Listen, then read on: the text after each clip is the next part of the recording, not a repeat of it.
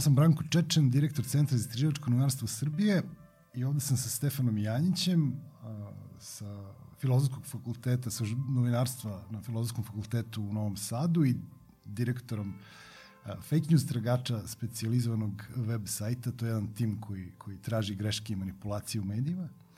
I danas ovde u, u, u sklopu projekta Saznaj razaznaj IREX-a Srbija, koji se ovaj, sprovodi uz podršku ambasade Sjedinjih država, a, a, pravimo još jednu epizodu podcasta o tome kako manipulišu nama i, i ovaj, koliko greše u medijima i kakve to ima posledice po naše živote. Ali danas, danas se bavimo, danas se bavimo matematikom. E sad, samo, postoji jedna stvar sa novinarima matematikom. Novinari imaju nekakvu kulturu stalne priče o tome da mrze matematiku, da ne vole matematiku i da, da, da su voleli matematiku da bi radili nešto manje stresno što se više isplati. Tako da smo ušli u polje na kojem novinari sami priznaju ovaj, da su loši. Međutim, koliko su zaista loši? Reći će ti jedna studija koja je napravljena na tri dnevna, na, na, na, na dnevnom listu u jednom velikom gradu u Americi. Studija namerno ne kaže koji je list i koji je grad, ja, zato što je pronađeno nevjerovatno mnogo matematičkih grešaka. Uh, analizirana su tri dnevna izdanja i pokazalo se da svaki drugi proizvod ima matematiku u sebi, a svaki drugi proizvod koji ima matematiku u sebi ima grešku u sebi, a da je više od polovine svih tih grešaka zapravo posledica a, nepoznavanja jednostavnih, algebarskih matematičkih radnji iz osnovne škole. Šta si imao iz matematike u osnovnoj školi?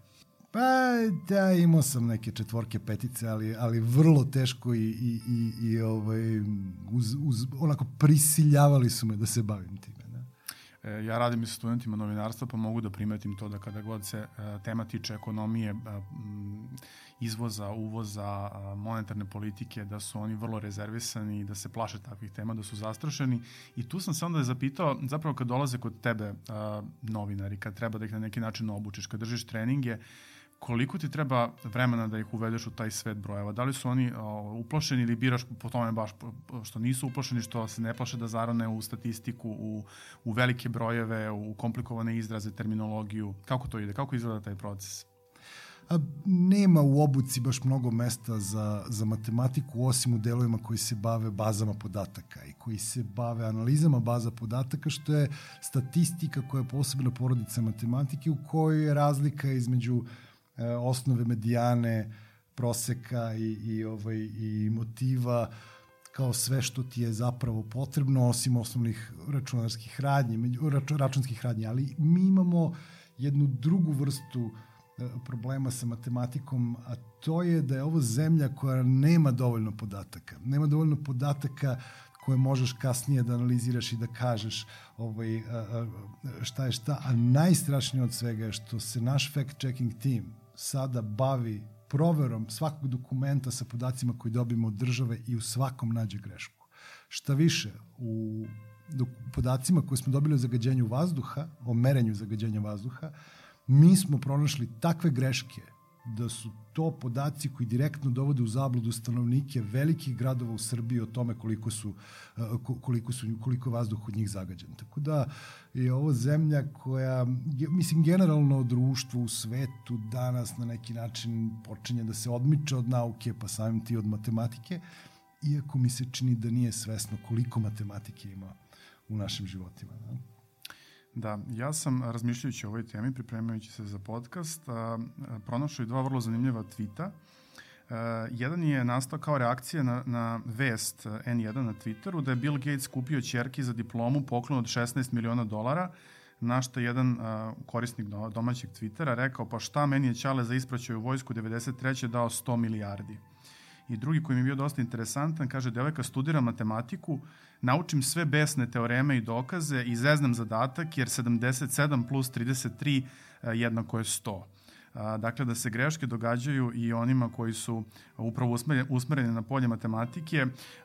I ja sam dosta razmišljao o tome koliko se ja često u nekim svakodnevnim situacijama čim treba da se pomnože, ne znam, dva dvocifrena broja ili, da, ili nešto još jednostavnije kada gledam sa, sa bakom i dedom slagalicu, ja preskačem tu igru moj broj, frustriran sam uopšte od bilo kakvog dodira s matematikom, odmah se hvatam kalkulatora da nešto ne bih pogrešio, kada upisujem, ne znam, poziv na broj na, na uplatnicama, deset puta proverim da li je sve dobro i a, zapitao sam se, isto bilo jedno pitanje na Twitteru, kaže, koga biste pozvali ne znam, da, da od jednog poziva zavisi vaš život. Ja sam shvatio ne znam koga bih mogao da pozovem da mi daju tuđi telefon jer ja ničiji broj ne znam na pamet.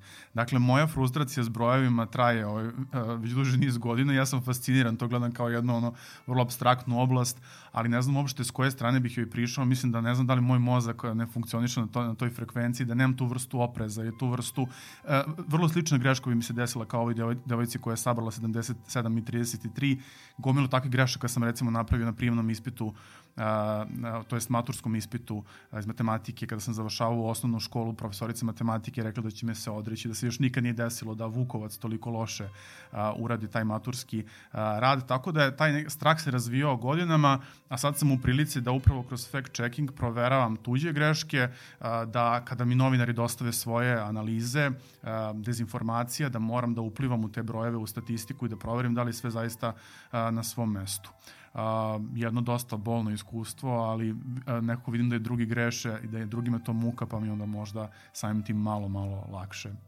E, ima i bolnijih iskustava. Pazi, jedna žena je u Velikoj Britaniji osuđena na doživotnu robiju za ubistvo svoje dvoje dece.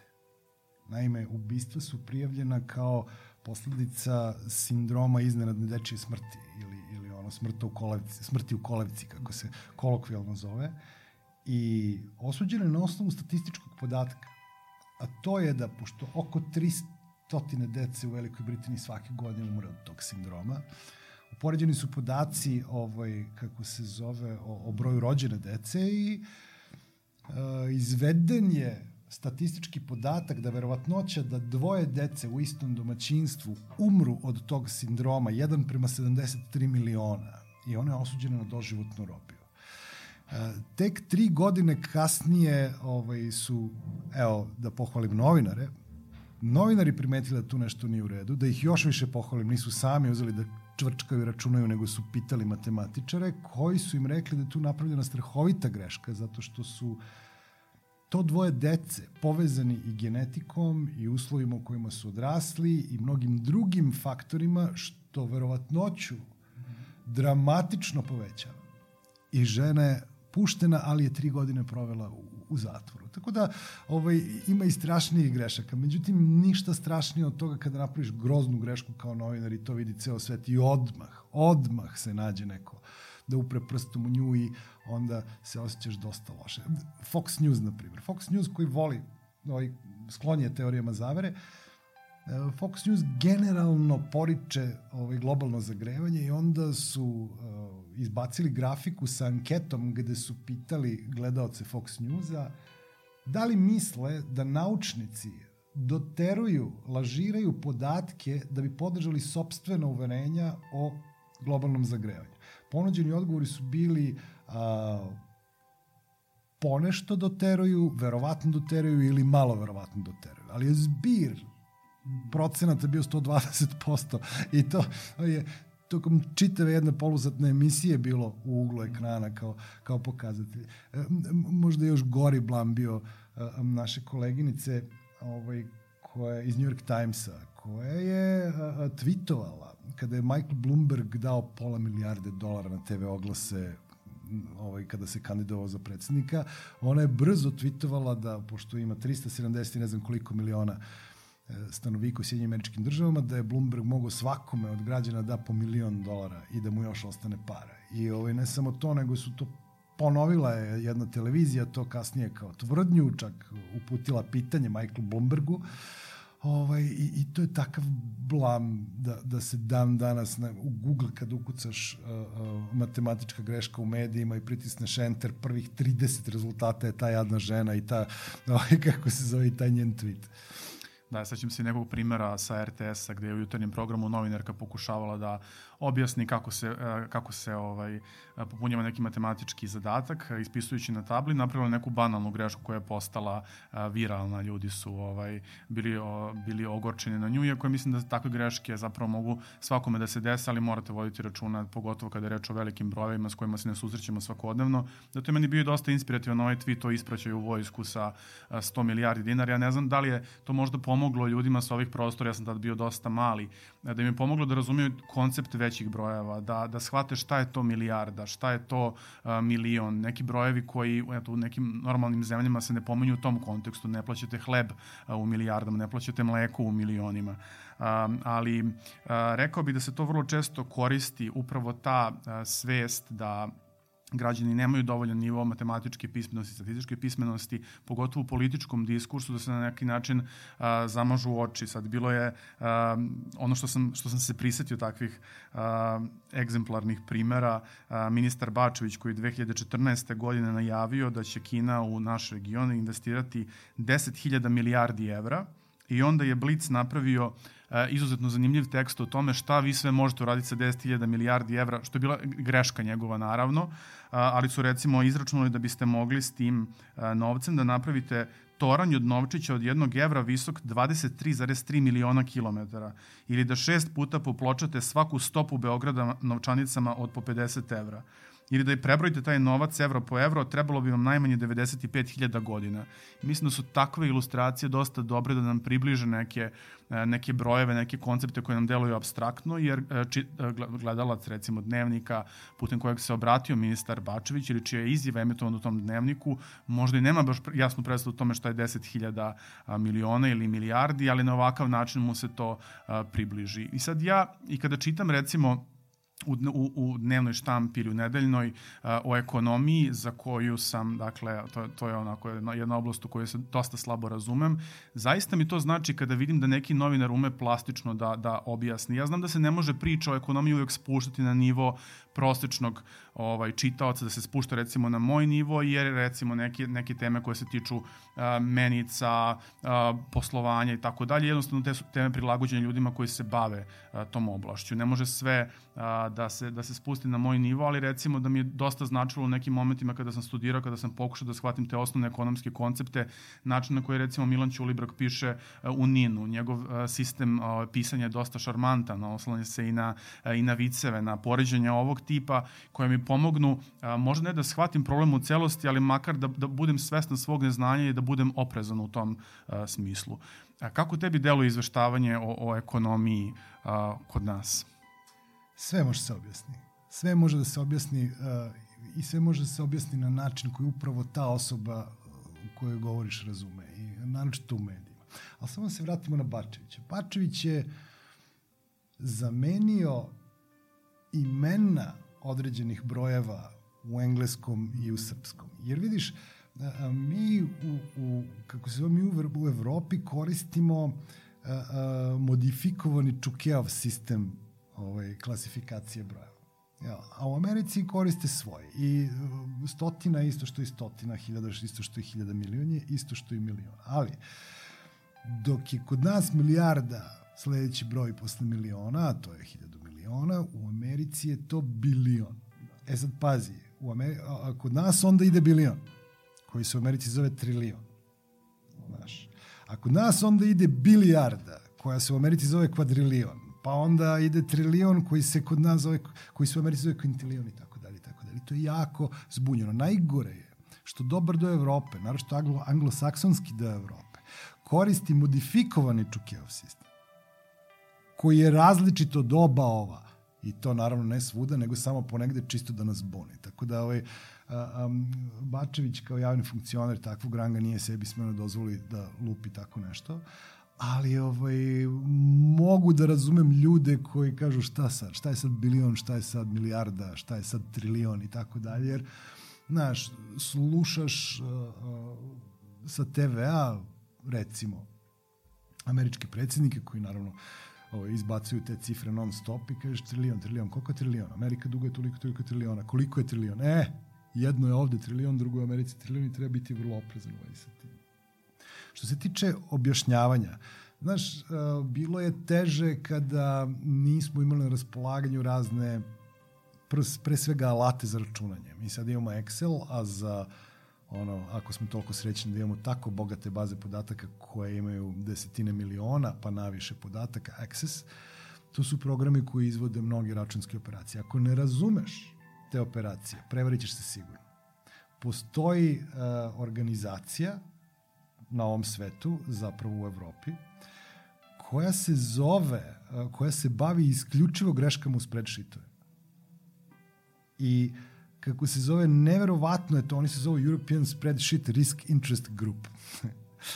oni su analizirali u, uzeli su nasumično jako veliki broj spreadsheetova od kompanija koje su pristale na to, jel tako, jer su želele da učestvuju u istraživanju i našli da 24% svih spreadsheetova u poslovanju ima matematičke greške, dakle ne ovaj, grafičke i tako dalje. Tako da a, a, mi koristimo spreadsheetove da obradimo velike brojeve, ali ih obrađujemo dvostruko i onda se obraćamo i stručnjacima da stručnjaci to takođe pogledaju da vide da li smo mi tu radili kako treba.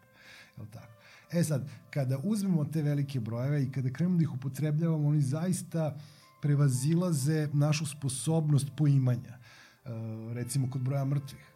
Naš mi strpamo u zatvor nekog ko ubio jednog čoveka. E, Pol Pot je umro u dubokoj starosti u kućnom pritvoru u, u, u miru i sreći, a ubio je najmanje 6 miliona i uh, dosta teško mi razumemo te, te jako velike brojeve, naravno kad počne da se govori o trilionima, kvadrilionima i tako. Tako da um, je to samo jedna od prepreka. Međutim, šta utiče na šta i kako se ti kompleksni faktori koji rezultiraju određenom ekonomskom situacijom u samo jednom segmentu, recimo, cena, su iz domena teorije cena koja je čista matematika, i to je matematika velikih brova i to je matematika sa jako kompleksnim formulom i time se ne treba ni baviti. Ono što je važno za građane obično nije tako kompleksno. I to šta će biti s našom ekonomijom odavno više ne zavisi od 750 različitih faktora koje nekome treba objasniti. U ovom trenutku samo kada bi smanjili korupciju Srbiji bi bilo bolje, samo kada bi razvili tržište usluga, nauku i tako dalje, se bilo bi sve malo, sve mnogo bolje i i dosta jednostavno, nema tu šta mnogo se objašnjava. Ono što je teško objasniti kako neko ukro pare. Zato što se pare više ne kradu jednostavno, a naravno se više ne peru jednostavno. Paru se, peru se kroz mnogo različitih entiteta koje su i preduzeća, i banke, i pojedinci, i nekakve offshore kompanije i tako dalje tako da to, to bude zaista kompleksno. U isto vreme, kako računaš kako je neko ukrao porez, je takođe složena matematička operacija. Zato mi kažemo, ovo je tvrdnja, toliko i toliko, na ovaj i ovaj način opisano, a sa strane su dokumenta i svako može da nas pita da pokažemo kako smo došli do tih brojeva, jer jednostavno bi izgubili čitaoci, izgubili bi ljude kada bi ih pustili da sami uđu tako duboko, tako nešto.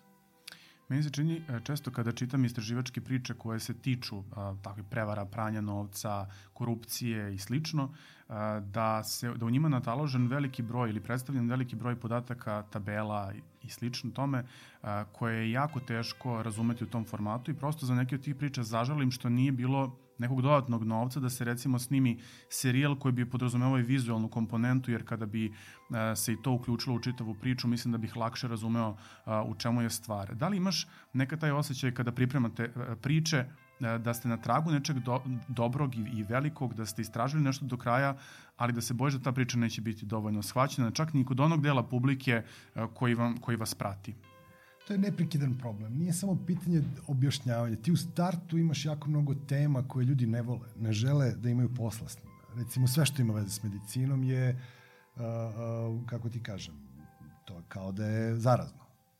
Što ljudi, teško im je, teško im je da se bave uh, tuđom mukom i, i jako se plaše bolesti, verovatno zato što ih neće, Bog zna kakvo zdravstvo dočekati da im pomogne i, i ne žele time se baviti. Ti moraš da o, izvodiš stoj na trepavicama da to učiniš interesantnim, da praviš, kažem, interaktivne infografike, ako i kako postoji neka poznata osoba koja ima veze sa celom tom stvari, da probaš, da i nju uvedeš u taj medijski proizvod, da puno različitih trikova, ali jeste naš posao. Jeste naš posao da nešto što je važno, a o čemu ljudi ne žele da čitaju, da učinimo zanimljivim i da učinimo popularnim, vidljivim, na razne načine. Deo posla.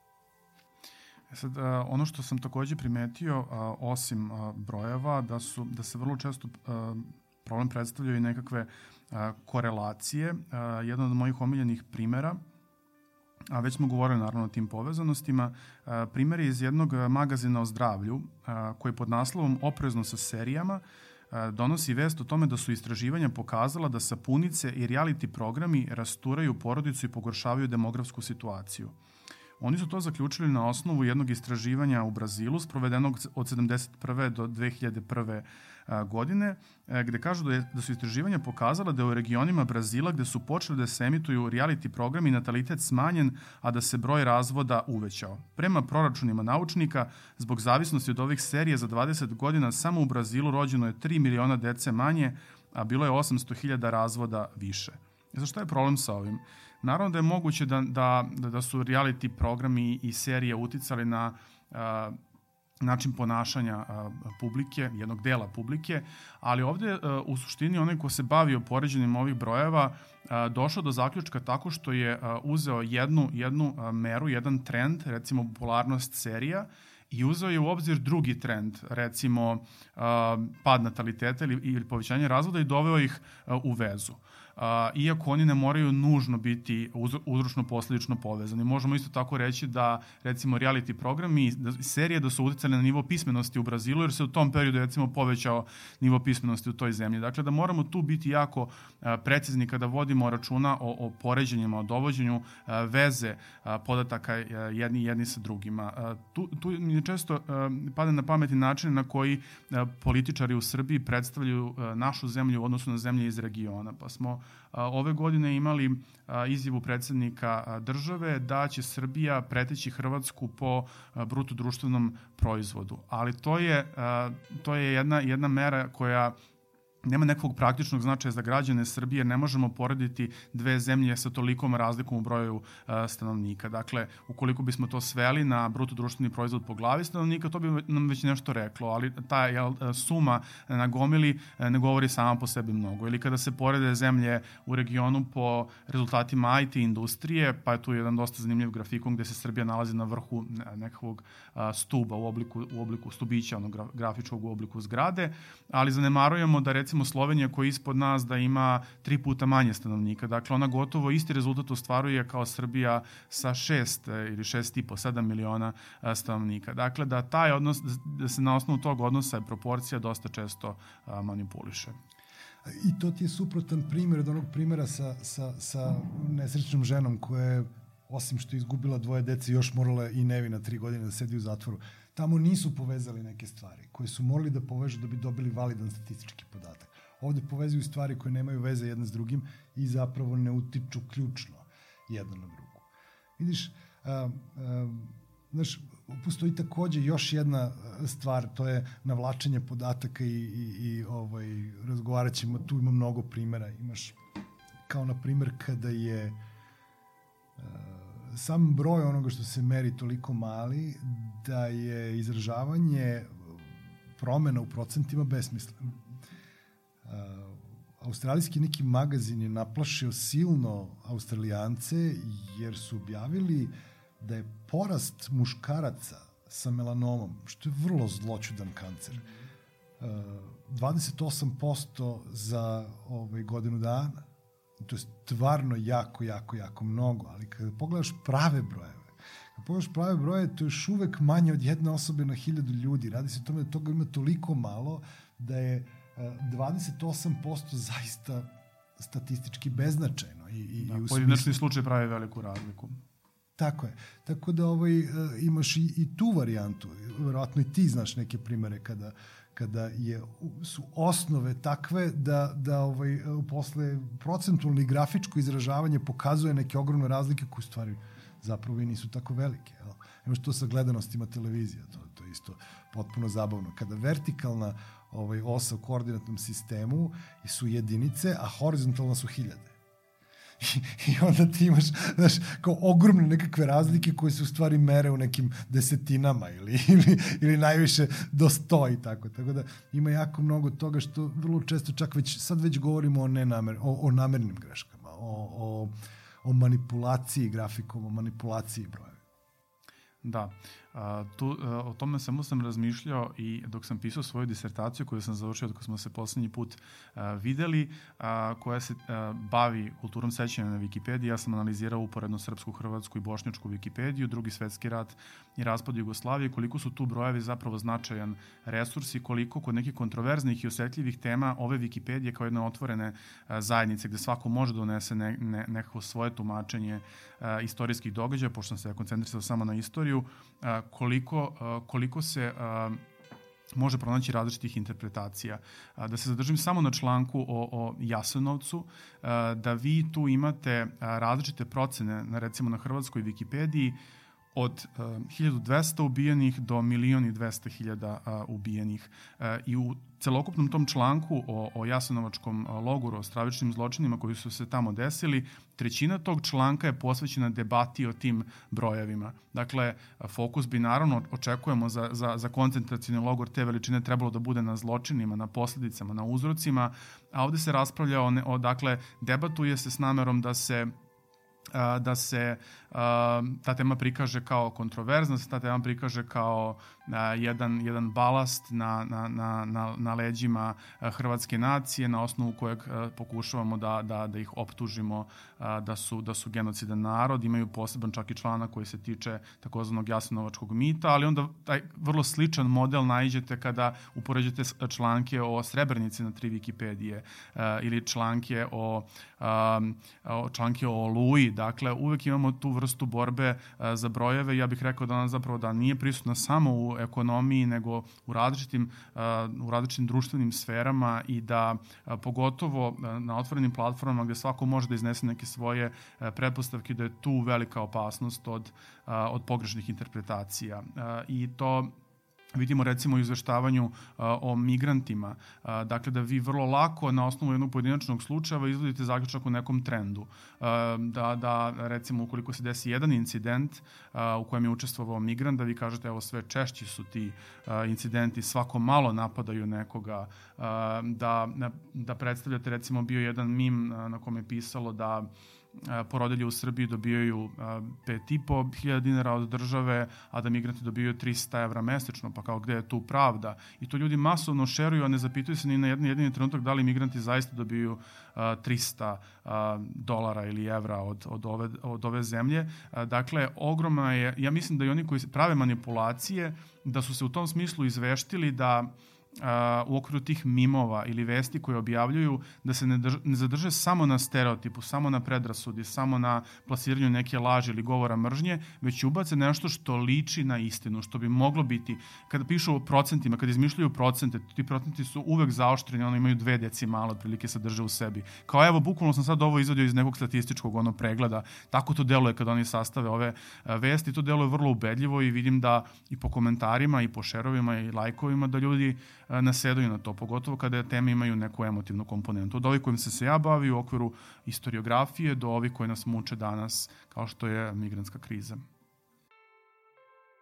Jedan od važnih faktora zbog kojih su takve dezinformacije uspešne je što pristojni ljudi ne mogu da zamisle da će neko lagati o tako nečemu, recimo o broju silovanih žena u, u, u ratu u Bosni ili uh, o broju uh, stradalih civila i dece, na primjer u granatiranju Sarajeva i tako dalje. I, I vrlo lako se tu ovaj, uvali ljudima, naravno tako kad ima neki, ovaj, neki broj koji izgleda kao jako precizan. E, imao si čitav problem kako odrediti koliko ljudi poginulo u ratu u Bosni i Hercegovini i na kraju imaš tri prebrojavanja od kojih e, možeš uzeti ono koje ti odgovara. Ja, ja uzimam ono koje su radili Ujedinjene nacije, međutim na obe strane cele priče, zapravo na sve tri strane, pošto imamo tu i Hrvate, i Bošnjake, i Srbe, svi oni smatraju da su žrtve svetske zavere koju između ostalih predvodi, predvode Ujedinjene nacije. Tako da, ovaj, međutim, taj broj jeste bio negde u sredini i onda zbog toga su pomalo učutali vremenom i sad se uzima taj broj za ovaj, iako nije konačan, zato što se još uvek otkriva šta je bilo sa nekim, šta se događa, nalaze se ostaci ljudi koji se vode kao nestali, uh, ipak se uzima taj broj kao, kao neki tačan. Ali Pepsi, 95. godine. Slušaj ovo, molim Pepsi 95. godine izbacuje e, sistem da kad kupuješ Pepsi kolu dobiješ nekakve bodove. I onda te bodove možeš da zameniš za majice, Pepsi majice, cikire za sunce, kožne jakne, tako neke fine stvari. I onda su kao reklamni trik tog klinca kojeg su obukli u sve te majice, kožne jakne i naočare stavili Jump Harrier, ono, borbeni lovački avion E, sa vertikalnim poletanjem i rekli, a za 7 miliona bodova možete kupite, možete dobiti Jump Harry. Ono na što Pepsi nije računao je da, da, da, da je tada upravo bio eksplodirao internet i da se ljudi povezuju oko vrlo čudnih i efemernih stvari na internetu i, i spremni su da preduzmu sve i svašta, pa se stvorilo tržište Pepsi bodova i bodovi su koštali 10 centi, što znači da si mogao da kupiš Jump Harrier za 700.000 dolara. I uvek se nađe jedan tip koji da 700.000 dolara. I on da 700.000 dolara i kaže dajte mi Jump Harrier. I ovi kažu, ma to je šala, kakav Jump Harrier, je ti lud. Pazi, u tom trenutku, pošto je slučaj postao dosta zabavan, pa je, je American Press Associated je ovaj, pitao ljude u Pentagonu koliko košta Sea Harrier. U tom trenutku Sea Harrier košta preko 38 miliona dolara, ali ne možeš da kupiš jedan, jer se oni prave u grupama od po 12. Što znači da je to preko 460 miliona dolara. I ovaj, ovaj čovjek je rekao, ne, ne, ne, ja hoću svog Jump Harriera i ovaj, došlo do suđenja, Pepsi je dobio, ali su morali da promene reklamu, na koje je sada pisalo da možeš da dobiješ jump carry, ali 700 miliona bodova. A, neverovatno je kako, kako se ljudi frljaju s matematikom tek tako, ali mi je jako nekako zlurado je to, ali, ali mi je, jako mi se dopada kad se ljudi frljaju s matematikom, pa to dođe da ih ujede za zadnjicu, zato što ovaj, e, bih stvarno volao da sam vidio Pepsi kako kupuje nekome here. Mislim, znaš, američka vojska da bi nek civilu dala, prodala ili tako dalje, ovaj avion mora da ga razoruža, ali i da ga onesposobi za let, tako da on bi mogo samo da ga gleda, ali sve jedno, pošto ovaj, bilo bi vrlo zabavno. Čak te kupio za 700.000 dolara ovaj, lovački borbeni avion. Da, to je to je jedan od zabavnih primera, ali uh, rekao bi da da e, su naj najbolnije tačke ove teme kada se upravo uh, to možda nerazumevanje ili zasenjivanje velikim brojevima ili, ili terminologijom, nedovoljnim pojašnjavanjem a, direktno odrazi na, na nečije živote i tu mi je uvek a, na pameti, to su ne, ovi nesrećni ljudi koji su podigli kredite u a, švajcarskim a, francima. A, da li misliš da a, a, iz perspektive medija da, da su oni tu mogli u trenutku kada je nastajao taj problem ili recimo 90. godina problemi sa, sa Duffyman bankom. Naravno da to nije ista vrsta problema, ali su ljudi ostali na neki način ili bez svog novca ili su ostali u ogromnom a, dužničkom ropstvu, a, da su medije tu mogli da urade nešto više ili su se ljudi jednostavno polakomili a, za nekim varijantama koje su im delovale fascinantno, optimistično i da tu, čak i da su se mediji svih snage, sve snage uprli da objasne da postoji rizik ili da postoji potencijalna prevara, da nisu mogli da načine nekakav veliki iskorak ka, ka spasavanju sudbina tih ljudi. Da bi tvrdili da su mediji da mediji nisu uradili svoj posao kako treba ili jesu uradili svoj posao kako treba, morali bi da napravimo kvalitativnu i kvantitativnu analizu sadržaja u vezi sa kreditima u švajcarskim francima u vreme kada su oni pozdizani u Srbiji.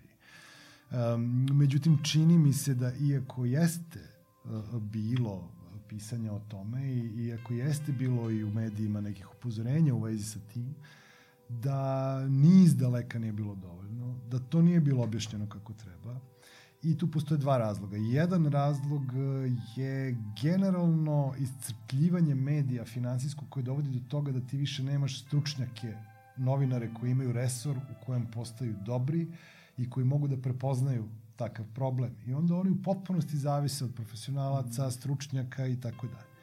Tako da dok se problem ne dogodi i na vratima nekih novina, neke televizije se ne pojavi neko ko je izgubio sve što ima i, i, i, i došao da, da zapomaže, ovaj, mediji kod nas vrlo često ne prepoznaju tako kompleksne probleme u napred, što bi inače morali, jer to je njihov posao. Njihov posao je da vide da će građanin stradati i da ga na to upozore.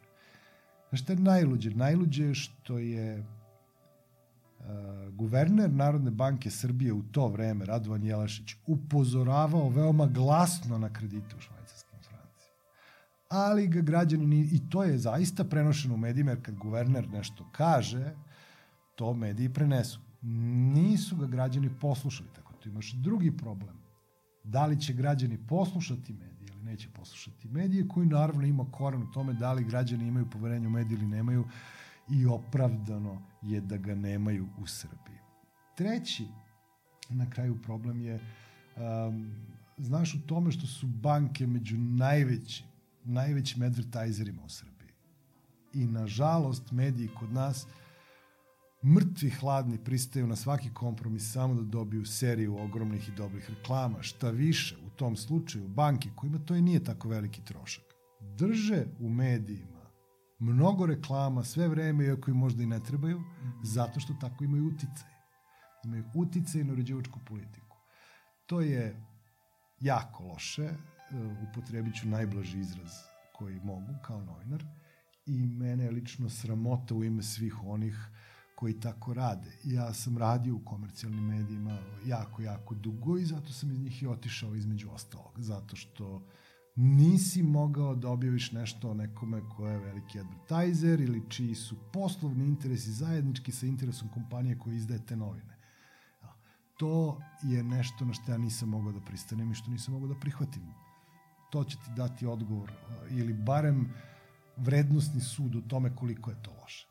Ako neko odluči da promeni karijeru ili da ugrozi, ja sam bio odlučio da prestanem da budem novinar tada. Kao, prošao sam od malog u gradskoj do glavnog i odgovornog urednika i kao eto to se događalo. A da li ti se, ne znam koliko, koliko pratiš ovakve teme, da li ti um, imaš utisak da si u dovoljnoj meri uh, upućen u to šta se dešava na ekonomskom planu uh, u, u Srbiji, šta možemo da očekujemo u budućnosti. Da li govorio se o tome da, da mnogi podaci nisu dostupni, ali na osnovu onoga što jeste, ti kao vratno nadprostečno informisan uh, konzument medijskih sadržaja, da li ti, se, čini, da, da, da li ti je sve uh, jasno? Um, Ne, naravno, nije mi se jasno, nisam ekonomista. Ja e, imam izvore koje pratim, imam novinare koje pratim, stručnjake uh, za koje smatram da ih je važno ovaj, saslušati i mislim da u toj podeli naših ekonomista na liberalne i, i ove konzervativnije, na one koji su za veću i veću slobodu tržišta i manju i manju državu i ove koji su za čvršću regulaciju, sveobuhvatniju regulaciju, volim da čujem oba mišljenja i ovaj, da probam da donesem nekog procenu. Međutim, mislim da je naša priroda sada u takvoj situaciji da smo mi jako daleko od tih jel, teorijskih postavki, nego smo mi na tome da smo podigli spoljni dug preko granice koja, koja je dozvoljena zakonom pre mnogo godina i da smo ga daleko premašili, što ne samo da je loše, nego je obećanje svakom građanu ove zemlje da će taj dug da ga stigne i da će da mu otme ogroman komad nečega što u tom trenutku smatra da ima. To naši političari bezočno rade, oni se zadužuju u inostranstvu, prave unutrašnji dug prema našem budžetu, ne bili ostali na vlasti, za to vreme oni i njihove porodice slavno prolaze i ovaj, prikupljaju zaista impozantna bogatstva. Uh, I ovaj, to ako misliš da može dobro da se, da se završi, onda si stvarno loš u matematici. Ovaj, ne može dobro da se završi. Druga stvar je količina korupcije koja je zaista zapanjujuća i sada već onako endemsko kršenje zakona pre svega od strane najviših instanci izvršne vlasti, a to je vlada Srbije, ministarstva represivni aparat, svi oni koji ne samo da ne bi smeli da ga krše, nego su postavljeni za to da se brinu za to da ga niko drugi ne krši. E, to mora da ima ekonomske posledice. I hoću da kažem još jednu stvar. Veza između uspešnosti, istinske uspešnosti jedne privrede i vladavine prava koja obezbeđuje ravnopravnu utakmicu na tom tržištu je višestruko i neopozivo dokazano. Ne postoje ekonomski uspešna društva kojima ne postoji vladavina prava. Vrlo je jednostavno. Umesto najboljeg, ovaj put neće praviti najbolji, nego će praviti ono političarov kum. Samim tim, on je slobodan da to baš ne uradi baš kako treba, ali tako? To znači da nama i ne treba baš tako dobri putevi. To znači da ćemo za toliko i toliko godina zapravo imati puteve iz prethodne decenije, što je u ovom današnjem savremenom tempu razvoja isto kao da pre 50 godina smo imali puteve od pre 300 godina. Tako isto stoji sa svim drugim oblastima života i svim drugim oblastima rada. Korupcija ubija konkurenciju, konkurencija ubija efikasnost, neefikasnost dovodi do nesolventnosti, nesolventnost se naplaćuje na građanima. A građani smo, Stefane, ti i ja. Bravo, hvala ti. Hvala ti na ovom vrlo zanimljivom razgovoru. Ja sam siguran da, da ima još mnogo primera, mnogih anegdota koje bismo se mogli pristiti u ovom kontekstu, ali i naši slušalci i gledalci. Naravno, hvala ti i, i nadam se da će i sledeći razgovor biti isto toliko inspirativan. Ovo je realizovan u sklopu projekta Saznaj i razaznaj Areksa u Srbiji uz podršku ambasade Sjedinih američkih država.